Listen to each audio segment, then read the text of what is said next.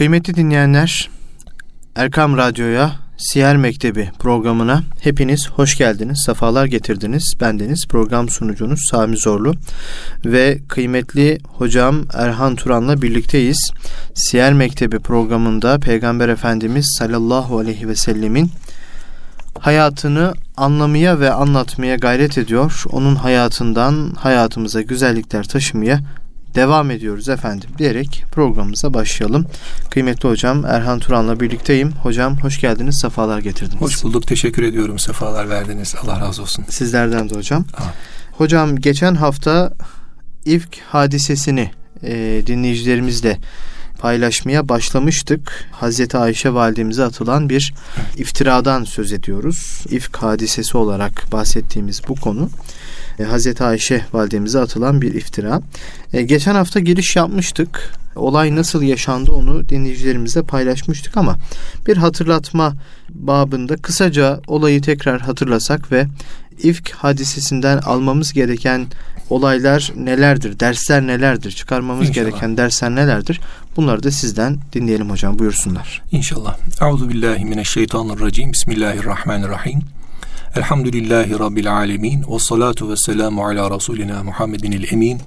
Ve ala alihi ve ashabihi ve ala ali ehli beytihi ecmain ve ba'd. Geçen haftaki derste dinleyicilerimiz hatırlayacaklardır. Müreysi gazvesi dönüşü Efendimiz Aleyhisselatü Vesselam Beni Mustalik Harbi diye de bilinen e, bu gazve dönüşünde e, yol üzerlerinde konaklaya konaklaya dönüyordu. Konuyu hatırlayalım istiyoruz. O yüzden şöylece bir başlayalım. Bu dönüş esnasında yine bir yerde konaklamıştı Efendimiz Aleyhisselatü Vesselam. Ayşe validemiz de e, ihtiyaca ayrılmışlardı. Orada da kolyesi kaybolmuştu. Sonrasında dönüşte tabi Ayşe validemizin olmadığını fark etmediler. Çünkü evet. validemiz hevdec içerisindeydi. Devenin hevdeci içerisindeydi. Göremediler. Yola çıktılar. Ayşe validemiz ihtiyacını giderip geldikten sonra baktı ki kervan gitmiş. Geride kimse kalmamış. E, tabii takip edip kaybolmayı tercih etmiyor. En doğrusu Efendimiz Aleyhisselatü Vesselam onun olmadığını fark edecek. Hı hı. Fark ettikten sonra bir birisini gönderip ya kendisine aldıracak e, ya da bir hal çaresine bakacak diye tefekkür ediyor, düşünüyor. E, orada e, bir ağacın gölgesinde bekliyor. O arada bir uyku galebe çalıyor validemize. Uyuyor. Arkadan da Safvan bin Muattal Hazreti Peygamber'in vazifelendirdiği bir bir sahabi. E, Tabi e, bu sahabenin e, hayatına baktığımızda biraz böyle uykusu ağır bir sahabiymiş. Kendisi bir sefere gittiği zaman ya da bir namaza vesaire sabah namazına kalktığı zaman Efendimiz onu mazur görürmüş artık cemaate katılamamasına. Hı hı. Çünkü Efendimiz o uyanmadan uyandıramazsınız dermiş. Yani uyurmuş uyuduğu yerde kala kalırmış. Uykusu da çok ağır uyandırılmazmış uyandırılamazmış bu abi. Öyle olunca sahabeyi Peygamber Efendimiz Aleyhisselatü Vesselam vazifeli tayin etmiş. Geriden gelsen demiş. Hı hı. Çünkü uyandırmak isteseler kaldıramıyorlar. Öyle olunca Resulullah Aleyhisselatü Vesselam da onun karakterine göre vazife vermiş. Tabi burada yine Efendimizin e, sahabeyi ne kadar ince tanıdığını, ne kadar naif e, öğrendiğini görüyoruz. Safvan geriden gelirken tabi ağacın altında bir hanımefendinin uyuduğunu görüyor, yattığını görüyor. Yaklaşıp inna lillahi ve inna ileyhi raciun diyor. Tabi bir hadise olay meydana geldiğinde اَلَّذ۪ينَ اِذَا أَصَابَتُمْ مُصِيبَةٌ قَالُوا اِنَّا لِلّٰهِ وَاِنَّا اِلَيْهِ رَاجِعُونَ Bakara suresindeki bu hal e, işaretle bir musibet var belli ki bu hanımefendi tabi tanımıyor kim olduğunu bilmiyor. E, yaklaşıyor bakıyor ki validemiz e, onu duyduktan sonra uyanıyor kalkıyor. Safvan devesini çökertiyor. Onun devesinde de bir hevdeç var. O devenin üzerindeki kafes biçimindeki üstü kapalı bir kutu Hazreti Ayşe validemiz zayıf, zayıf ve naif bir hanımefendi. İçerisine giriyor. Safan deveyi kaldırıyor. Efendimiz Aleyhisselatü Vesselam'a öğle vakti yetiştiriyor. Hı hı. Tabi buraya kadar e, o gün derste de söyledik geçen hafta. E, buraya kadar her şey normal. Yani bir hanımefendinin geride kalması hı hı. ve bir e, vazifelinin onu e, o haliyle alıp Efendimiz Aleyhisselatü Vesselam'a kavuşturması buraya kadar normal. Tabi münafıklar var. Yine grup içerisinde de hareket halindeler. Onların da önde gelenlerinden Abdullah bin Übey bin Selül. Hı hı. Başta o olmak üzere Hazreti Peygamber'in hanımının kötü bir işe bulaştığını iftirasıyla Yani muhsan bir hanımefendiye, namuslu, temiz bir hanımefendiye haşa huzurdan söylemek bile aslında doğru değil ama anlaşılsın için söyleyeceğiz. Zina iftirasında bulunuyor. Evet. Bu iftirayı attıktan sonra da tabi başta Hazreti Peygamber ne yapacaklarını bilemiyorlar. Çünkü olayın şahidi bir e, Allahu Teala bir de bu iki şahıs. Hem e, Hazreti Ayşe validemiz hem de Safvan. Yalnız Hazreti Ayşe validemize başlangıçta bu söylenmiyor. Bu dedikodu haber verilmiyor. Yanında çalışan bir hanımefendi bu e, Hazreti Ebubekir Efendimizin yardım ettiği bir aile var. Onun da e, oğlu var e, Mıstah diye. Hı hı. Onun annesi e, vakayı haber verince Ayşe validemiz zaten çok zayıf ve naif bir hanımefendiydi. İyice elden ayaktan kesiliyor ve bu haliyle bir imtihana tabi tutuluyor. Bir ay müddetince bu devam ediyor. Bir ay müddetince devam ediyor. Tabi Ayşe validemizin buradaki tavrı çok mühim. Şimdi ne yapacaksın diye kendisine sorulduğu zaman validemiz işte Yakup Aleyhisselam'ın çocuğu karşısındaki durumda ne yapması gerektiyse ben de onu yapacağım diyor. Yusuf suresinde bu fesabrun cemil diye Hazreti Yakup Aleyhisselam'ın cevabı oluyor. Yani ancak iyi bir şekilde sabretmem gerekiyor. Evet. Doğru bir şekilde sabretmem gerekiyor diye. E, tabii kendisini tezkiye edecek, temize çıkaracak e, ikinci bir şahıs olmadığı için e, Hazreti Ayşe validemiz tabii başta Peygamber Efendimiz Aleyhisselatü Vesselam e, vahiy bekliyor. Yani ancak validemizin vahiy ile temize çıkarılması gerekiyor. Ancak o dönemlerde yine e, toplumun içerisinde bulunduğu bu tür hallerde ne yapılması gerektiği ile alakalı bir hukuk var. Yani aslında böyle böyle bir iftirayı ortaya atan bu iftirayı ispatlamak için bir şeyler yapması gerekiyor. İşte şahit getirmesi gerekiyor. İşte e, onun onu yaptığına dair ispatının sağlam olması gerekiyor. Çünkü ortada bir iddia var. İddiayı ortaya atan müddai iddiasını ispat ispatlamakla mükellef. Evet. Yani e, onun o iddianın sahibi olarak o işi yaptığına dair bir delil sunması gerekiyor. Yoksa şahit getirmesi gerekiyor. Tabi bir ay boyunca Efendimiz Aleyhisselatü Vesselam hatta bir ara e, validemiz Hazreti Ebubekir evin Hazreti Ebubekir Efendimizin babası e, oraya taşınıyor Ayşe validemiz. Oraya geçiyor. Hmm. Yani Hazreti Peygamber'in o halini Hazreti Peygamber görmek istemiyor. O da onun halini görmek istemiyor. Böyle bir bir ne diyelim ona böyle bir incelik var. Bir nezaket ve nezafet var. Hazreti Peygamber tabi yapmadığını biliyor. Böyle bir şeyin olmadığını biliyor. Sahabi bu konuda ileri gelenler hatta Ebu Eyyub el Ensari hanımı sorduğu zaman böyle bir şey olabilir mi diye sorduğunda Hazreti Ebubekir Hazreti Ebu Eyyub el Ensari Hazretleri sen yapar mıydın diye soruyor hanımına. Hayır cevabını verince vallahi Ayşe senden daha hayırlıdır diyor. Yani Ayşe validemizin böyle bir hadiseye bulaşmadığını herkes biliyor. Evet. Ama ortada e, bir ispat edilmesi gereken bir ittiha, itham var. O ithamın çürütülmesi gerekiyor. E, burada üçüncü şahıs da yok. Öyle olunca e, tabii ki her şeyden evvel Cenab-ı Hakk'a tevekkül ve teslimiyet gerekiyor. Validemiz de öyle yapıyor, Efendimiz de öyle yapıyor. Ve ardından Allahü Teala Hazreti Ayşe validemizin temiz olduğuna dair yani böyle bir hadise yapmadığına dair e, ayeti inzal buyuruyor. Yani baktığımızda e, Nur suresi 11 ve o 11 22 ayetler arasında onlar ağır ve ağır bir iftira uydurdular. Yani yapmış oldukları şey innellezine ca'u bil ifki o atmış oldukları iftira usbetun minkum. Yani sizin içinizde size çok ağır gelen bir iftira. Yani neticede işin içerisinde Hazreti Peygamber'in e, hanımı var ve çok ciddi bir iftira. Tabi burada Evet. şuna dikkat çekmek lazım hocam. Allahü Teala çok ne, nasıl ifade edeyim sert kanunları, sert hukuku ağır gelebilecek, ümmetin üzerine ağır gelebilecek hukuku Resulü üzerinden sanki bertaraf ediyor, kaldırıyor. Ya şimdi bir bakıyoruz Hazreti Zeynep validemizle Zeyd'in evliliğine bakıyoruz. Şimdi Hazreti Zeyd peygamberimizin evlatlığı Evet. toplum içerisinde evlat olarak görülüyor ve peygamberimizin e, Allahü Teala onunla boşandıktan sonra evladının hanımıyla Allahü Teala tabi cahiliye toplumunun adeti bu. Allahü Teala onu Hazreti Peygamber üzerinden yoktur deyip e, ayetle sabit kılıyor. Hazreti Peygamber orada da çok büyük ithamlara uğruyor. Bunun hikmeti nedir hocam? Gücünün yettiği kadar hocam. Hmm. Allahü Teala kimseye gücünün yettiğinin üzerinde yüklemiyor. Yani bunu herhangi bir insan üzerinden, herhangi bir e, varlık üzerinden yapmıyor. Cenab-ı Peygamber üzerinden yapıyor. Bir de eşrefi mahlukat. Hmm. Yaratılanların en güzeli o. Evet. En mükemmeli o.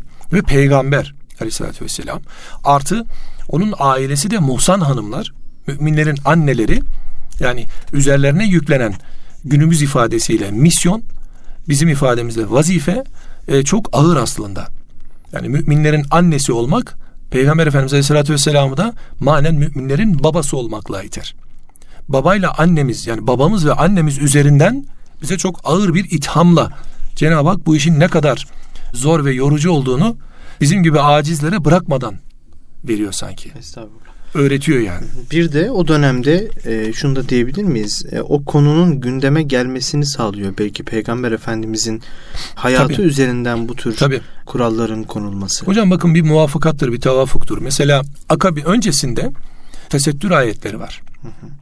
Tesettür ayetlerinde de Hazreti Peygamber hanımları yani peygamberimizin hanımları sair hanımlar gibi değil. Hı hı. Yani mesela e, ümmetin hanımlarına tesettür emri işte yasakların neresi ise işte yüzlerin, ellerin ve ayakların mahrem yerlerin kapatılması, yüzlerin, ellerin, ay- ayakların açık kalabilmesi bu haliyle bir e, serbestlik. Yani o mesela bir e, hanımefendi şeriatına e, sahip çıktıktan sonra bir diyalog kurabiliyor vesaire ama iş Resulullah'ın hanımlarına geldiği zaman aleyhissalatü vesselamın hanımlarına geldiği zaman o, onlar perde arkasına girecekler. Mesela e, yanlış hatırlamıyorsam Ümmü Seleme annemiz Efendimiz Aleyhisselatü Vesselam ile birlikte hücre-i saadedeyken Abdullah İbn Ümmi Mektum geldi. Amaydı. Gözleri görmüyordu. Kapıyı çaldığında Efendimiz perdenin arkasını işaret etti annemize. Bir hicap vardı, örtü vardı evde. Dışarıyı kapatan. Çünkü ayeti kerime müminlerin anneleri hicap arkasından konuşacaklar diyor. Örtü arkasına geçecekler. Kalplerinde eğrilik bulunanlar olabilir diyordu. Ama şimdi Abdullah İbn Ümmü Mektum Mekke dönemi mümini. Medine'nin en e, aktiflerinden bir tanesi Ve ama. ama artı Hazreti Peygamber'in müezzini. Yani gözleri de görmüyor. Yani baktığımız zaman yani ne olacak ki sanki deniliyor gibi. Efendimiz Aleyhisselatü Vesselam ayetle amel ediyor. Perdenin arkasını işaret ediyor. Validemiz orada diyor ki ya Resulallah işaret ediyor gözleri görmüyor diye. Resul Efendimiz ona çok güzel bir cümle söylüyor.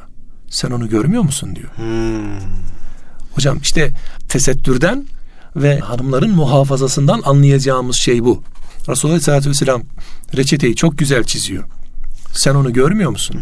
Hocam tam burada parantez açmış olayım. Bunu tesettür babında da konuşmuştuk. Evet. Biz tesettürü dikkat edilmesi gereken, dikkat etmesi gereken, örtünmesi gereken e, tarafın sadece hanımlar Hanımlar olduğunu zannediyoruz veya Evet. öyle algılar olduk. Evet. Halbuki ayet evvel erkeğe emrediyor.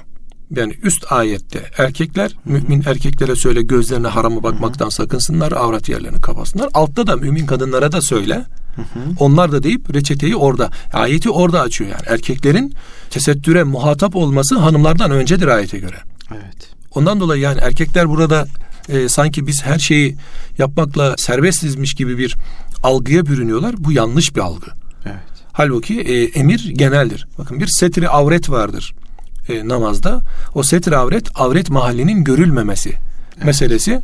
E, bu setri avretin devamı tesettürdür. Erkeğe tesettürdür. Aynı setri avret Kur'an'da kadına da vardır. Onun da devamı tesettürdür. E, namazdaki tesettürün dışarıya yayılması.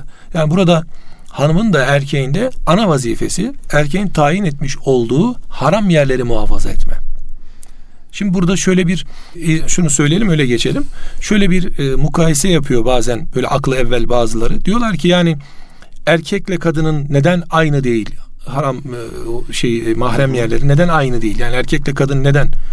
Ya bu birincisi Allah'ın emri. Allah'ın emri sorgulanmaz. Eyvallah. Yani her şeyin altından bir şey aranmaz yani.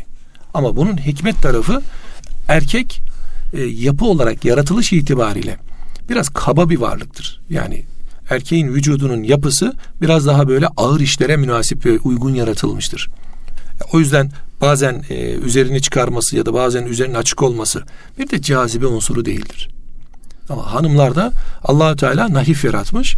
Onlara şekil ve şemal olarak da bir cazibe yüklemiş ve onun üzerinden e, bize e, helal ve haram da dengesi ortaya koymuş. Mesela ben şu soruyu hep kendime sorarım. Günümüzün kapitalist zihniyeti, olayı sadece paraya bağlayan ya da feminist anlamda sadece kadın ve erkeğin her alanda eşit olacağını iddia eden insanlar ya da tipler diyeyim neden erkeği kadın gibi kullanmıyorlar da kadını teşhir ürünü olarak her yerde kullanıyorlar? Mesela bir erkek parfümü neden bir kadın üzerinden e, ilan ediliyor televizyon ekranlarında ya da başka yerlerde? Erkeğe lazım olan bir ürünü neden bir kadın sunuyor? Hı hı. Ben bunu çok merak ederim mesela.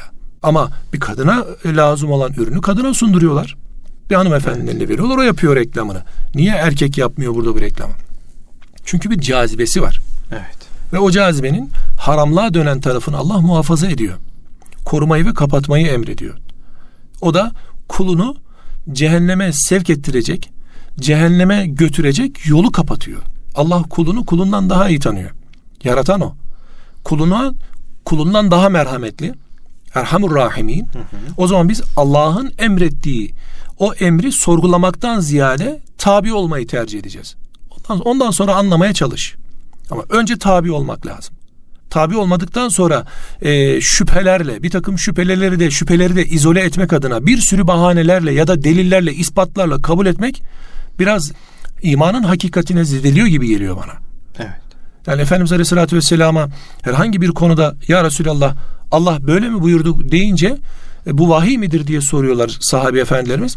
Efendimiz hayır benim şahsi kanaatim dendiğinde efendim müsaade ederseniz biz de kanaat belirtebilir miyiz diye soruyorlar. Ayetse bunu yapmıyorlar. Yani rasvelen başım gözüm üstüne. Allah emrettiyse, peygamber emrettiyse yani din anlamında emirden bahsediyorum. Başımızı gözüm üstüne deyip tabi olup e, hiç sorgulamadan onun arkasında ne var, bana ne faydası var? Yani pragmatist, faydacı bir yaklaşımla yaklaşmıyor sahabi. Allah emrettiyse emret, bitti. Sonra hani faydası neyse araştırırsınız, bakarsınız. Ya şimdi biz de öyle bir hal almaya başladı ki sanki bir ayet bize faydalıysa hitap ediyor. Hı hı. Sanki bir hadisin bize faydası varsa hitap ediyor. E yoksa ne yapacağız? Çöpe mi atacağız?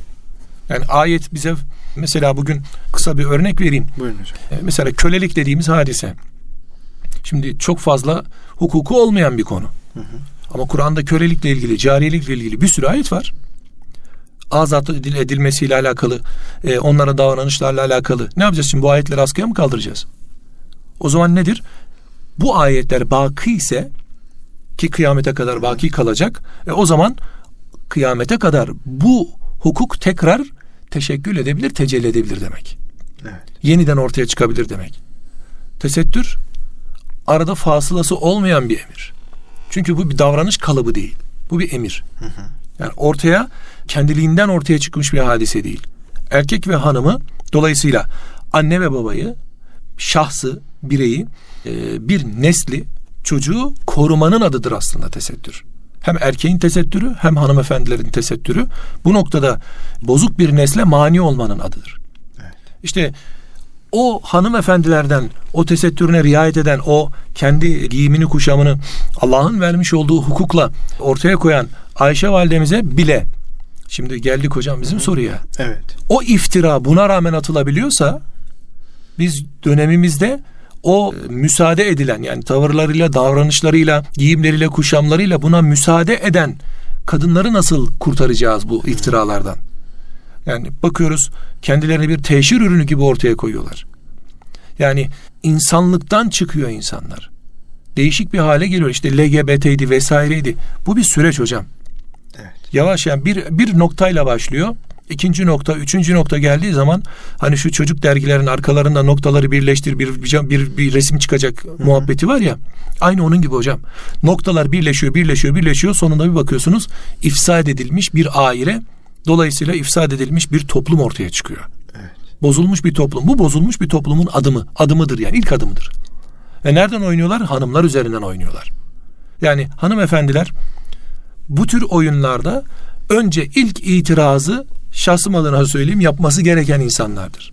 Yani bugün bir hanımefendi kendisini bir meta olarak kullanmaya çalışan, kendisini bir teşhir ürünü gibi kullanmaya çalışan bu beyefendiler de olabilir, bir hanımefendi de olabilir fark etmez ama o parayı, o kapitalist e, duruşu elinde tutanlara aslında ana itirazı kendi yapmalı. Yani neden benim hanımlığımla oynuyorsunuz? Yani ben hanımefendiliğimle de ben bu işi yapabilirim diyebilmeli. Ben şeriatıma muhafaza ederek de ben bu işi yap yapabilirim diyebilmeli. O zaman belki ihya olur bu iş. E, ecdadımıza bakalım. Analarımıza, babalarımıza bakalım. Onlar tarlada, bostanda, bağda ya da çarşıda, pazarda bir şeyler alıp veriyorlar, satıp alıyorlar vesaire yapmıyorlar mı? Yapıyorlar.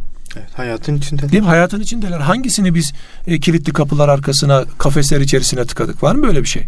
E yok. Efendimiz Aleyhisselatü Vesselam'ın hanımları bakın bir hukuk var perde arkasından gelecek Ayşe validemize fıkıh soracak o, o beyefendiler. Şimdi peygamberimiz o kapıyı hanımlarına kapatmadı ki. Ama o hanımefendiler numuneyi imtisal. Yani ben istiyorum ki hanımefendiler kendilerine sağda solda karakter ifade etmeyen ya da karakter örneği olmayan kadınları örnek alacaklarına Efendimiz Aleyhisselatü Vesselam'ın hanımlarını örnek alsınlar. Eyvallah. Validemiz nasıl diyalog kuruyor erkeklerle? Yani sahabenin beyefendileriyle nasıl diyaloğa geçiyor? Onlarla nasıl bir araya geliyor? En güzel örneklerden bir tanesidir. Bakın Ayşe validemiz Efendimiz Aleyhisselatü Vesselam Dar-ı Beka'ya irtihal eylediğinde Hücre-i Saade'ye defnediliyor Efendimiz. Ardından babası Ebu Bekir Efendimiz defnediliyor. Ömer Efendimiz orada bir yer kalıyor. Kendisinin oraya defnedilmesini istiyor validemiz. Ama Ömer Efendimiz rica ediyor. Anam diyor bak ne olur. Müsaade et. Ben yarı cihanı güzin. Onlarla beraber yaşadım. Ve Fatıma da beni oraya defnettir diyor. Hmm. Onun da defni oraya yaptırılıyor, yaptırılıyor. Orada hocam Hazreti Hazreti Validemiz Ayşe Validemiz perde çekiyor. Hazreti Ömer defne olduktan sonra. Hazreti Ömer defne olunca perde çekiyor. Yani hocam ölmüş bir insanın mezarına perde çekiyor. Efendimiz, Ebubekir Efendimiz, Ömer Efendimiz bak Efendimiz ve Ebubekir Efendimiz varken çekmiyor. Biri kocası, biri babası. babası. Ama Ömer Efendimiz çekildiği zaman, geldiği oraya yatırıldığı zaman, üzeri kapatıldığı zaman oraya bir perde çekiyor. Sitaresini, örtüsünü çekiyor. Ayete tabi oluyor sorgulamıyor yani. Şu mantığı gütmüyor yani. Hazreti Ayşe validemiz fıkhın annesiydi. Bugün otoritemiz bizim. Fıkıhta otoritemiz Ayşe validemiz. Hı hı. Efendimiz dininizi Humeyra'dan öğrenin buyuruyor. Yani Humeyra Hazreti Ayşe validemiz. Ama ne yapıyor? O fıkı kendine göre yorumlayamaz mıydı? Birileri gibi yuvarlayamaz mıydı? Öyle yapmıyor. Ayet neyse, emir neyse ona tabi oluyor. Kendini Kur'an'a ve sünnete tabi kılıyor. Kur'an'ı kendisine göre ya da sünneti kendisine göre yorumlayıp işine gelmediğinin de üzerine örtmüyor hocam. O şahısla arasına örtü çekiyor. Kur'an'la ve sünnetle değil. İşte günümüzdeki hanımefendilerin bu tür hadisatta, olaylarda e, kime perde çekeceğini çok iyi bilmesi gerekiyor. Evet. Kendilerini yaratan Allah'tır. Kulluk bekleyen Allah'tır. Bu emirler Allah tarafından verilir. Yasaklar Allah tarafından konulur. Kafa tuttukları zaman, o perdeyi çektikleri zaman Allah'a, Kur'an'a ve peygamberinin sahih sünnetine mi perde çekiyorlar? Yoksa başka yerlere mi perde çekiyorlar? Bu iman meselesi hocam. Ne kadar iman ediyorsak, ahirete imanımız da ne derecede kuvvetliyse o kadar e, bu hayatımız da o kadar kalite kazanıyor. Evet. Bakın validemiz kendisine bir iftira atılmış gidip Abdullah bin Übey'in yakasına yapışıp da sen benim hakkımda niye böyle iftira uyduruyorsun? Ben ne zaman yaptım bunu kardeşim deyip e, yakasından tutup çok çok af buyurun çemkirmiyor. Ama ne yapıyor? Allah'tır benim yarim diyor. Efendimiz Aleyhisselatü Vesselam ayet geldiği zaman işte bu iftirayı işittiğiniz zaman erkek kadın müminlerin kendi vicdanları hüsnü zanda bulunup da hı hı. demek ki hocam bu tür hadisatta e, bir müminin durması gereken yer hani büyüklerimiz der ya bir şer gördüğünüz zaman acaba yanlış mı görüyorum ben hani var ya Süleyman Aleyhisselam'ın Estağfirullah maliye la aral hudhud. Hani bana ne oluyor da yanlış hani hududu görmüyorum. Hani bana ne oluyor?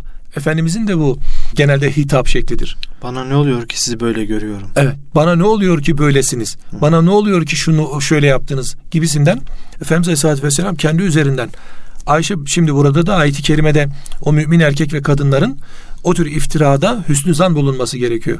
Şunu diyecek orada insanlar. Tabi diyenler var yok değil.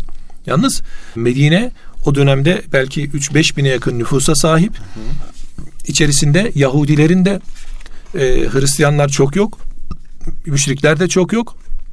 Ama Yahudilerin ve münafıkların aktif olduğu bir dönemde Hendek'te göreceğiz mesela. Hı hı. Ne kadar Yahudiler ve münafıklar hareket halinde Medine'de göreceğiz. Onlar bu işin içerisine giriyorlar. Ve sahabenin tabii ki Hazreti Ebubekir Hazreti Ömer imanıyla olaya yaklaşıp o yapmaz bunu diyenleri de var ama o münafıkların söyledikleri kendisini inandıran insanlar da var. Yani acaba olmuş mudur diyen insanlar da var. Bu haliyle Allahü Teala bu apaç, apaçık bir iftiradır buyuruyor. Uspatun mink. Apaçık bir iftira.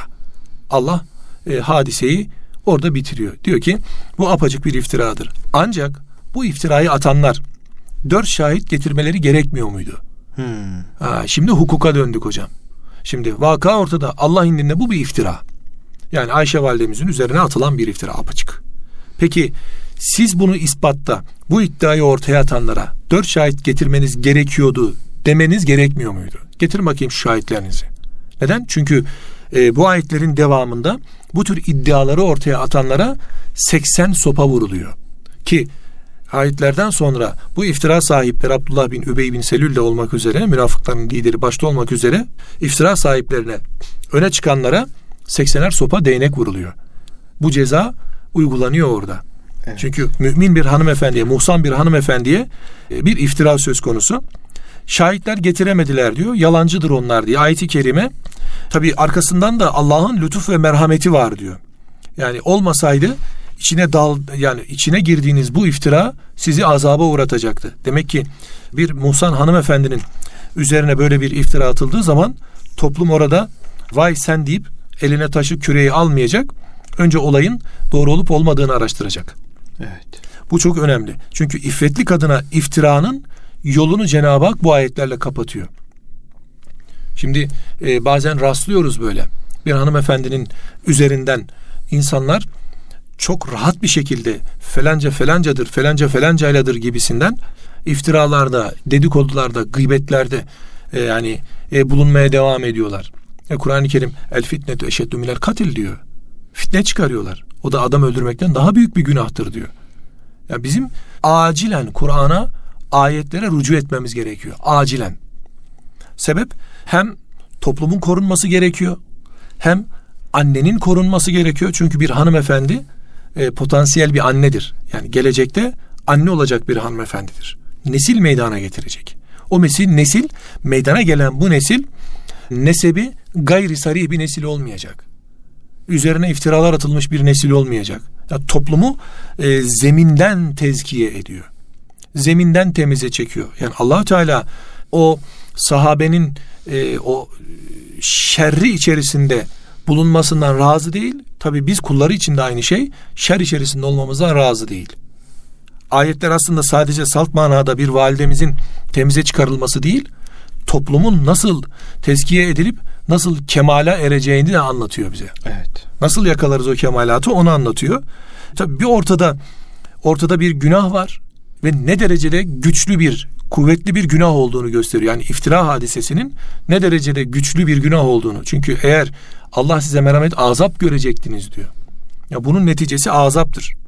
Bunun neticesi Allah'ın cehennemidir yani. Ve topluma vereceği zararları Cenab-ı Hak açık açık ayeti kerimede bize e, anlatıyor. Ayşe validemize bu ayet müjdeleniyor. Diyorlar ki ya Ayşe hadi müjdeler olsun.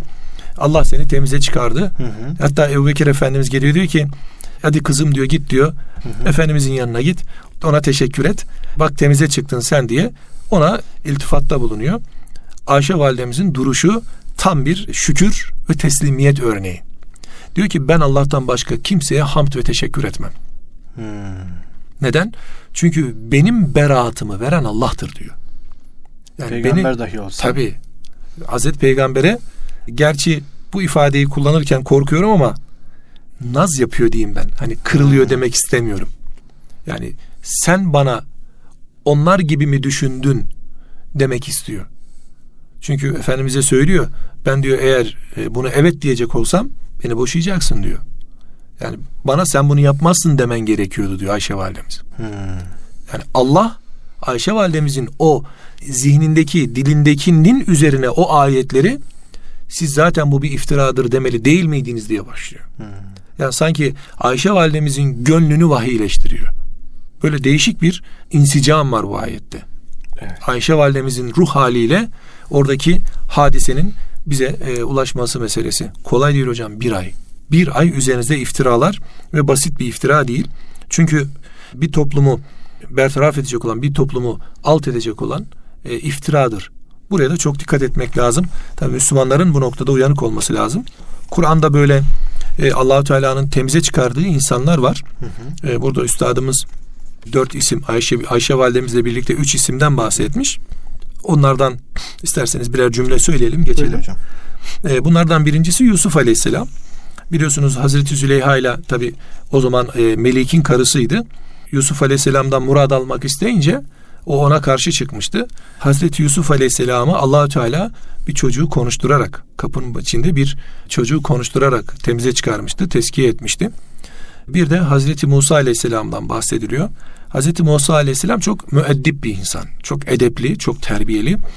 Yahudi kültüründe hamam kültürü biraz farklıdır. Bizim gibi değil. Hamamda onlar çıplak yıkanırlar. Yani bir nehre girdiklerinde çıplak nehre girerler. Yani herkes haram yerlerini görür birbirinin. Musa Aleyhisselam onlara katılmazdı. Yalnız banyo ederdi. Onlar da Hazreti Musa Aleyhisselam'a e, hem erkekliğiyle hem de abras yani alaca hastalığı vücudunda böyle lekeler olduğu iftirasıyla böyle kendi aralarında dedikodu yapıyorlardı. Bir defasında Hazreti Musa Aleyhisselam'ı bir kaya parçasına şeyde nehrin kıyısında banyo yaparken elbiselerini kayanın üzerine koymuştu Musa Efendimiz, Hazreti Musa Efendimiz. Kaya elbiselerle birlikte koşmaya başlıyor. Sonra yakalı bunlar Buhari hadisi. Buhari'de var bu. Ee, sonra bu tabi Müslim'de de var, Buhari'de de var. Sonra Hazreti Musa Aleyhisselam tabi köyün elbiselerini alacak ya peşinden koşuyor taşın. O köyün önünden geçiyor taş fark etmiyor. Oradan geçiyor. Bakıyorlar ki e, Hazreti Musa bizim dediğimiz gibi bir insan değilmiş. allah Teala onu böyle temize çıkarıyor. Teskiye ediyor. E, Hazreti Meryem validemize böyle bir iftirada bulunuyorlar. Hazreti İsa'nın doğumundan dolayı. Biliyorsunuz Hazreti İsa Efendimizin babası yok. Allah'ın ilka ettiği yani Hazreti Meryem'in rahmine ilka ettiği, koyduğu bir nutfenin gelişip çocuk olmasıdır hı hı. Hazreti İsa Aleyhisselam. Bu haliyle e, tabi sen fena iş yaptın ya Meryem dediler Hazreti Meryem validemize. Ki Hazreti Musa ve Harun Aleyhisselam'ın soyundan gelen İmran ailesinin soyundan gelen bir hanıma bunu yakıştıramadılar, iftiralara başladılar. Hazreti İsa'yı konuşturdu Cenab-ı Hak. Yeni doğmuştu. Annem öyle bir kabahati yoktur. Ben de Allah'ın nebisiyim diye böyle orada konuşturmuştu. Bir de Kur'an-ı Kerim'de e, Hazreti Ayşe validemiz bu şekilde teskiye ediliyor atılan iftiralarla. Yani demek ki Hazreti Ayşe validemizin yaşamış olduğu bakın bir peygamber sabrını gerektiren bir hadise. Evet. Burayı da görmek gerekiyor. Hazreti Ebubekir Efendimiz biraz kızdı. Hı hı. Bu iftirayı atanlardan bir tanesi yanında çalışanlardan birisiydi. Dedi ki bundan sonra sana ben dedi yardım edersem görürsün sen dedi. Allahü Teala bakın olayları birbirinden ayırıyor. O adamın yapmış olduğu günah, kabahat başkadır. Senin yapman gereken yardım ve ikram başkadır. Hmm. Diyor ki içinizden faziletli kimseler, fazilet sahibi kimseler akrabaya, yoksul Allah yolunda hicret edene vermeyeceğine dair yemin et, ettiler diyor. Onlar diyor affetsinler, bu yemini de etmesinler, bağışlasınlar, geçsinler diyor. Nefsi karıştırmasın. Tabii. Neticede işin içerisinde nefis girerse evet. o zaman fazilet bozuluyor. Burada da Allahu Teala aslında bize çok farklı bir ders veriyor tabirlerindeyse. Eyvallah. Hocam Müreysi gazvesinde çıkarılan fitneler bununla bitmiyor tabii. Tabii bununla bitmiyor. Bir de ee, münafıkların duruşu var aslında. Evet, Münafıklık var. var. Ama onu önümüzdeki programımızda konuşalım. Vaktimizin sonuna geldik. Peki Süremiz hocam. Peki. Oldu hocam. Tamam inşallah. Ee, İfk hadisesiyle programımızı tamamlamış olduk bu Allah hafta. Çok çok teşekkür ediyoruz. Ben teşekkür ederim. Sağ olun. Kıymetli dinleyenler Erkam Radyo'da Siyer Mektebi programında kıymetli hocam Erhan Turan'la birlikte İvk hadisesini işledik, konuştuk. Bu hadiseden çıkarmamız gereken dersler nelerdi, ibretler nelerdi onları aktarmaya çalıştık. Haftaya yine aynı saatte görüşünceye dek Allah'a emanet olun efendim.